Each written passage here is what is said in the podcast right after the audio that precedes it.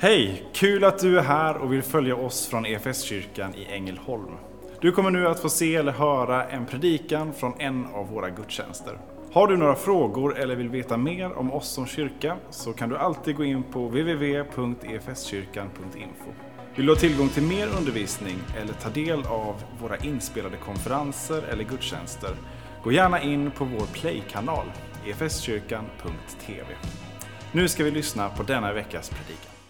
Vi ska få stanna upp inför det här spännande temat nådens gåvor. Och det, blev, det blev på något sätt så väldigt aktuellt, eh, inte minst med gänget här som har varit lightledare och kommer och säger här är en möjlighet att gå in i en väldigt viktig uppgift. Jag ska nästan erkänna också att eh, när du sa att men blir det någon sommarskatten? Jag var riktigt sugen på att säga jag kan ta den. Och så hade jag gått iväg med barnen och så hade vi fått se vem som hade tagit den här rollen istället. Mm. Men eh, jag vet inte om det var vishet som höll mig kvar. Men nu får ni stå ut med mig i alla fall. Eh, ett litet tag. Jag tackar för faktiskt det här eh, möjligheten att få låna era öron och er uppmärksamhet. Det ska man inte ta för givet. Men vi har ett eh, gemensamt uppdrag att få lyssna till Guds ord, ta del av det. Och jag vill göra mitt bästa att få, få öppna ordet för er och för mig den här förmiddagen. Jag ska få läsa tillsammans med er ett stycke i eh, Paulus brev till korintierna. Och det är ett avsnitt i det brevet som tydligt tar upp och talar om nådegåvorna och om nådens gåvor och det livet. Eh, innan jag läser de verserna eller de raderna som är föreslagna för den här söndagen så vill jag ändå inleda med hur Paulus inleder just det här avsnittet. Då säger han, och ni behöver inte vara oroliga, du har inte fått de här bildtekniker. Eh, men bara för få inleda med de här orden. Paulus han säger, i fråga om de andliga gåvorna så vill jag också att ni ska ha kunskap. Och lite längre fram så fortsätter han förtydliga det här med att säga sträva efter kärleken men sök också vinna de andliga gåvorna. Så där är en inbjudan till att sträcka sig efter det som han nu kommer att tala om. Det här var Paulus ord till församlingen i Korint och det är fortsatt hans ord till församlingen i vår tid. Men det är ju inte bara Paulus ord utan det är också Guds ord. Så Guds hälsning till oss idag. Läser från vers 4 och framåt. Nådegåvorna är olika men anden densamma. Tjänsterna är olika men Herren densamma. Verksamheterna är olika men Gud är densamma. Han som verkar i allt och överallt. Hos var och en framträder anden så att det blir nytta. Den ena får genom anden gåvan att meddela vishet. Den andra kan med samma andes hjälp meddela kunskap. En får tron genom anden och en annan genom samma ande gåvan att bota. En annan får kraft att göra under. En får förmågan att tala profetiskt, en annan att skilja mellan olika andar. Och en kan tala i olika slags tungotal och en annan kan tolka tungotal. Allt detta åstadkommer, åstadkommer en och samma ande genom att fördela sina gåvor på var och en så som den själv vill. Vad väcker de här orden för känsla i ditt liv? Vad väcker de här orden för känsla i, i vårt liv, vårt gemensamma liv? Det kan, det kan ju komma många tankar utifrån det här. Dels så kanske man börjar tänka, men det här, det är ju för någon annan. Det, det, liksom är, det är inte riktigt riktat till mig utan det här är ju riktat till några speciella i församlingen.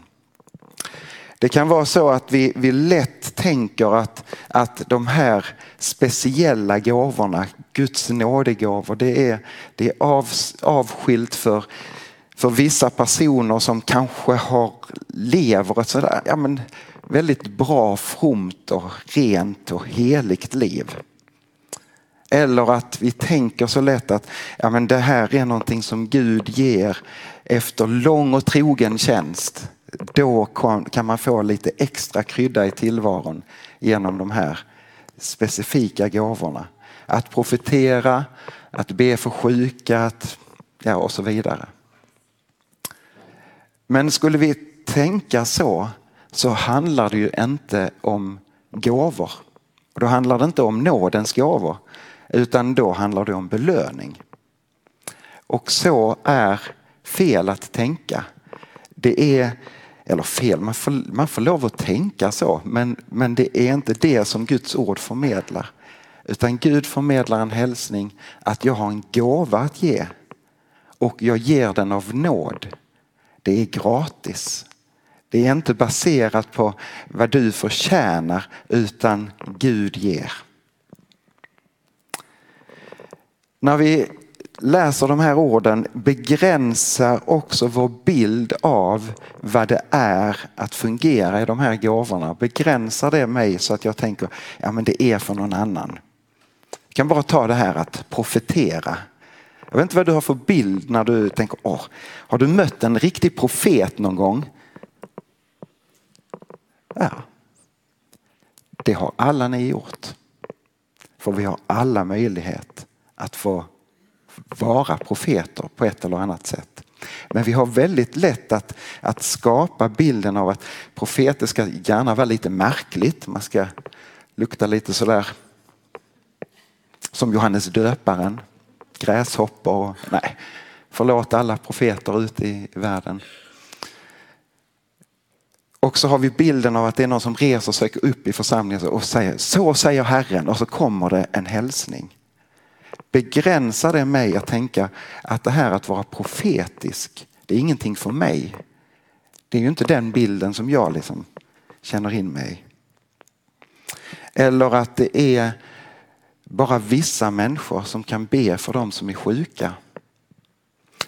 Jag tror att absolut att Gud kan ge och förstärka gåvor i oss i olika så. Men låt oss säga att någon hade kommit in här idag, haft ett innerligt djupt behov av att få förbön.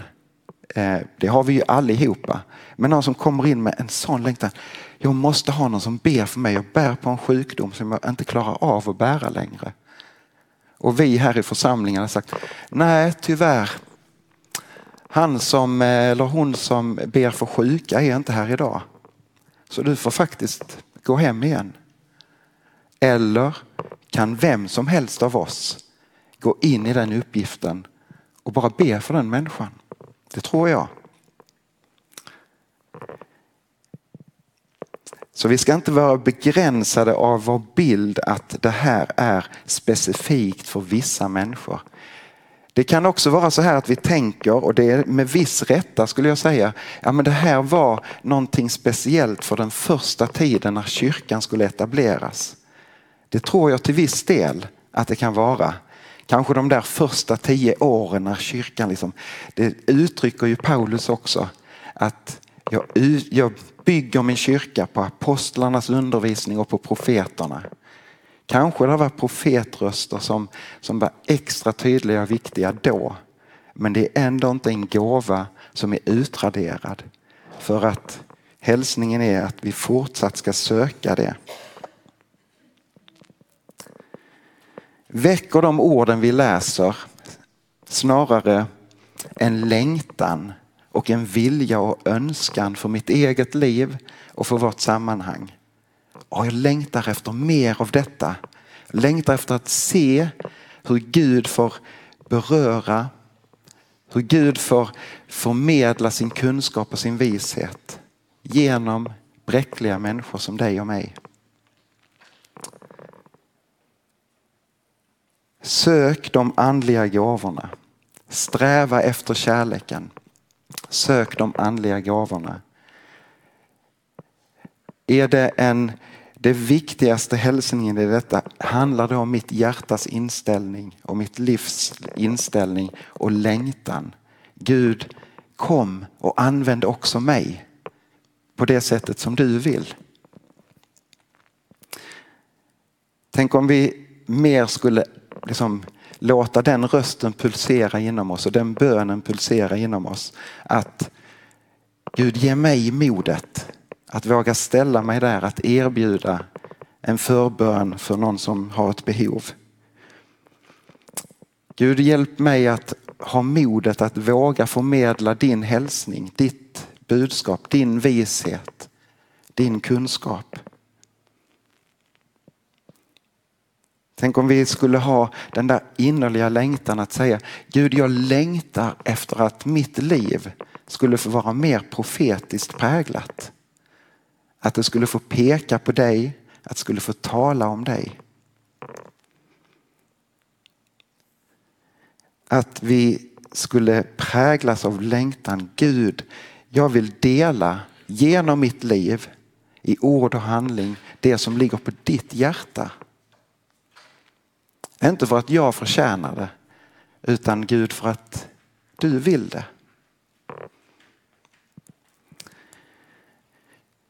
Och varför ska vi söka detta? Är det för att vi liksom ska kunna... Ah, wow, ja, nu fick, det är inte min nacke som knakar bara så ni...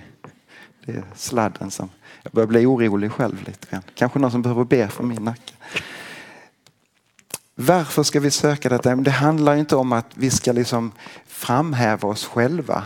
Men ha den här inställningen för att jag ska få vara med och betjäna andra människor. Vilken gåva är den viktigaste? Någon skulle kanske räcka upp och säga, men jag har läst i, i första Korinthierbrevet 14 och 1 eller 2. Den viktigaste gåvan är att profetera. Vi ska återkomma till den frågan. Jag skulle vilja säga den viktigaste gåvan i funktion, det är den gåvan som det är behov av just då. Eller just nu i en situation. Gåvorna är givna för att göra nytta. De är givna för att betjäna andra människor. När Paulus han tydligt talar om, om det här med nådegåvorna i, i sina brev så är det tydligt på tre ställen. Det är Romarbrevet 12, det är första Korinthierbrevet 12, 13 och 14 och det är Efeserbrevet 4 Eh, och några verser däromkring. Och vid alla de här tre tillfällena så undervisar han också tydligt om församlingen som en kropp som består av många olika delar men de är till för varandra. Vi hör ihop med varandra och vi behöver betjäna och bära varandra. I, i första Korinthierbrevet 14 och 12 så står det, ska vi se här, så står det så här. På samma sätt med er, när ni nu söker vinna andekrafter, försök då att få dem i överflöd till församlingens uppbyggelse. Hoppar vi fram i Efesierbrevet så, så uttrycker eh, Paulus det så här i vers 15 och 16.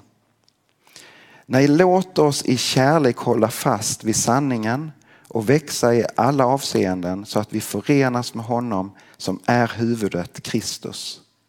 Han låter hela kroppen fogas samman och hållas ihop genom att alla lederna hjälper och stöder med just den kraft han ger åt varje särskild del.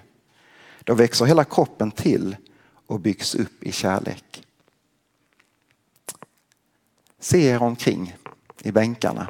Ni som sitter hemma, ni får väl titta på någon hemma. Vi hör ihop. Vi är viktiga för varandra.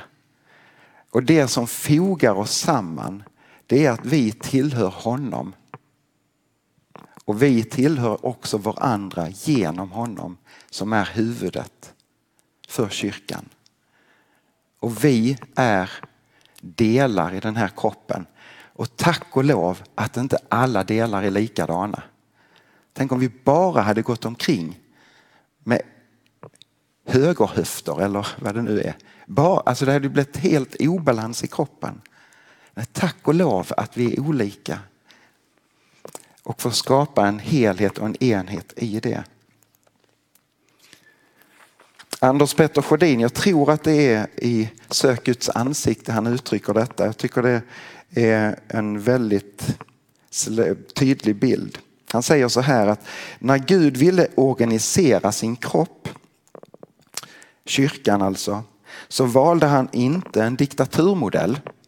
Han valde inte heller en demokratimodell och inte en organisation. Gud, Gud valde en organism, en kropp som, där Kristus är huvudet. En kropp där varje medlem fungerar med sina andliga gåvor. Vi är Kristi kropp. Vi hör samman med honom och vi hör samman med varandra i och genom honom. Eller som vi uttrycker det också varje gång vi firar mässan tillsammans. Så är vi alla i en enda kropp, till alla får vi del av ett och samma bröd. Vad är brödet? Jo, det är Kristus. Det är han som för oss samman. Och han vill sin egen kropp väldigt, väldigt väl och därför så vill han ge av sina gåvor för att vi ska betjäna varandra. Sök gåvorna. Vilken är då den största och absolut viktigaste nådegåvan? Får jag lov att bara ställa frågan? Det är ett sönderskolesvar, Faktiskt. Det är Jesus. Eh, detta kan vi också läsa om hur Paulus uttrycker det i Romarbrevet. I Romarbrevet 5 och 15 så står det så här.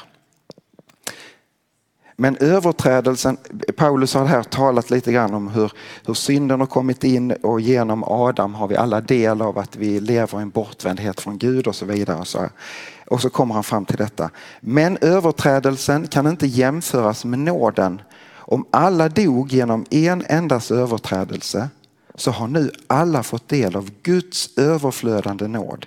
Nådegåvan som bestod i en enda människa, Jesus Kristus. I kapitel 6 så säger Paulus så här.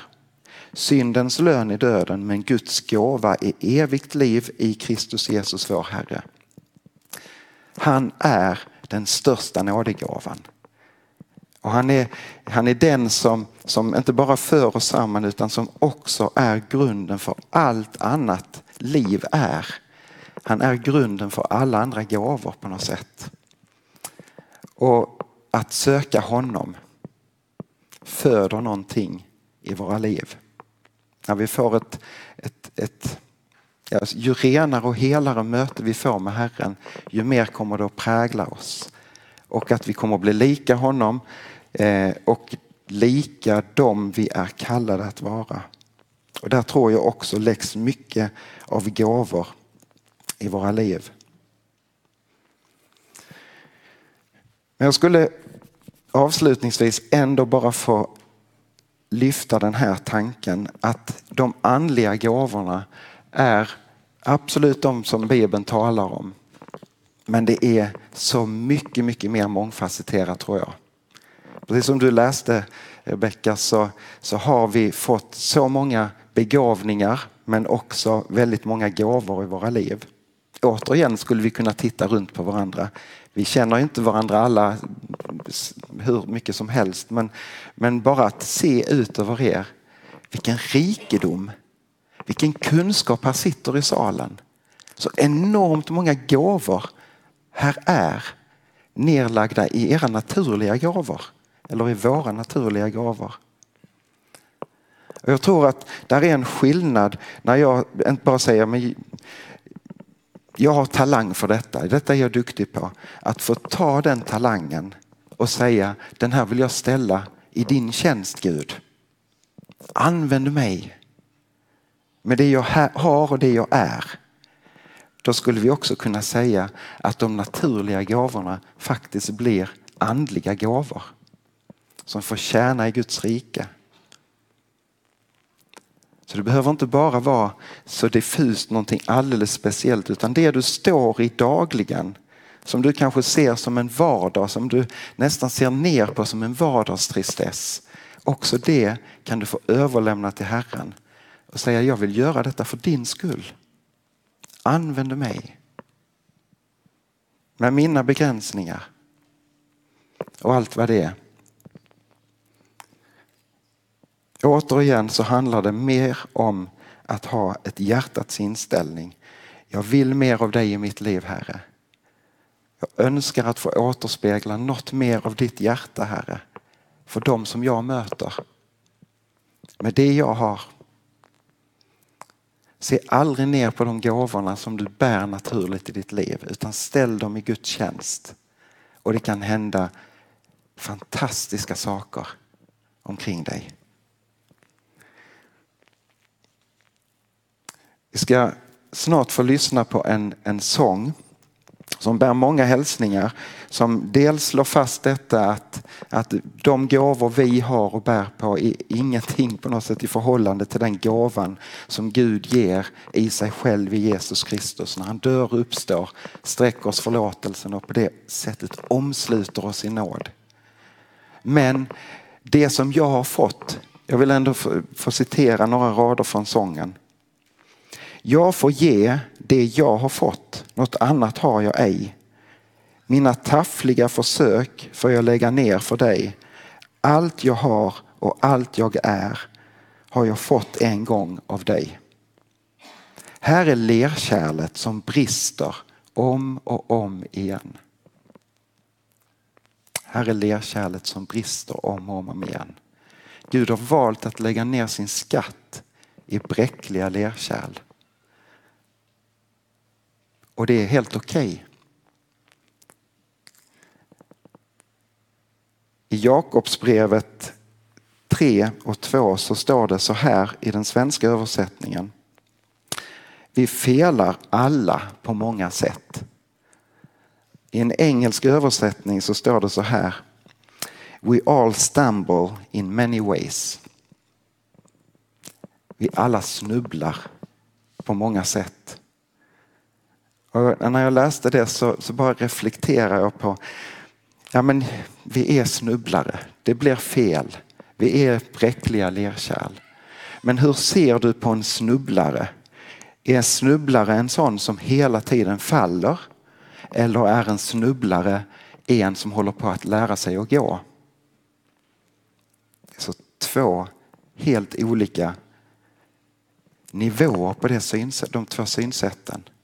Är jag en som bara faller och faller och det blir fel och fel? Eller kan jag ta mina fel när jag snubblande tar mig fram? Ja men åh, Gud du reser mig igen. Jag får prova igen. Nåden får dig att resa dig om och om, om igen i hans hand.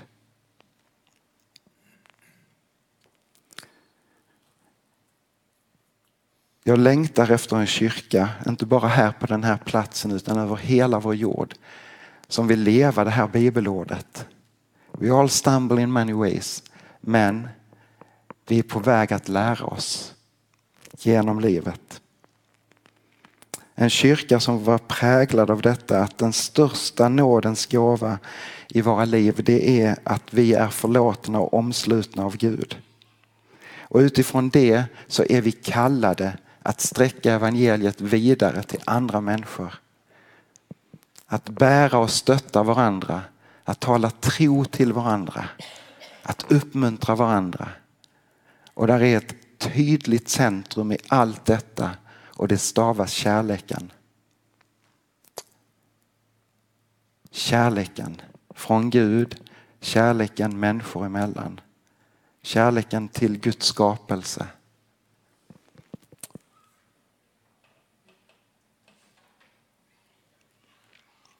En kyrka som om och om igen säger, här är mitt liv, här är mitt hjärta. Jag vill att det ska vara riktat mot dig.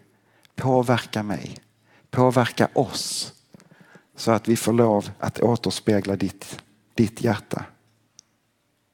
Här är lerkärlet. Så kan vi säga enskilt men så kan vi också säga som församling till Gud nästan gemensamt. Här är lerkärlet som brister om och om, om igen. Men Gud, vi vill ta emot din gåva och din skatt som du lägger i de här lerkärlen. Ska vi be tillsammans. Käre himmelske Fader, vi tackar dig för nåden. Vi tackar dig för, för det liv som du skänker i och genom dig själv. Tack för gåvan som, som vi redan är indragna i, ett evigt liv i gemenskap med dig. I en fullkomlig hel tillvaro. Och till dess du kommer åter i härlighet Herre, så vill vi be, kom och fyll oss detta bräckliga lerkärl med din ande. Sätt oss fria Herre att betjäna varandra och bära varandra. Sätt oss fria Herre att leva liv som pekar på dig, som väcker tro i människors liv. I Jesu namn. Amen. Hej! Kul att du är här och vill följa oss från EFS-kyrkan i Ängelholm. Du kommer nu att få se eller höra en predikan från en av våra gudstjänster. Har du några frågor eller vill veta mer om oss som kyrka så kan du alltid gå in på www.efskyrkan.info. Vill du ha tillgång till mer undervisning eller ta del av våra inspelade konferenser eller gudstjänster gå gärna in på vår Play-kanal, efskyrkan.tv. Nu ska vi lyssna på denna veckas predikan.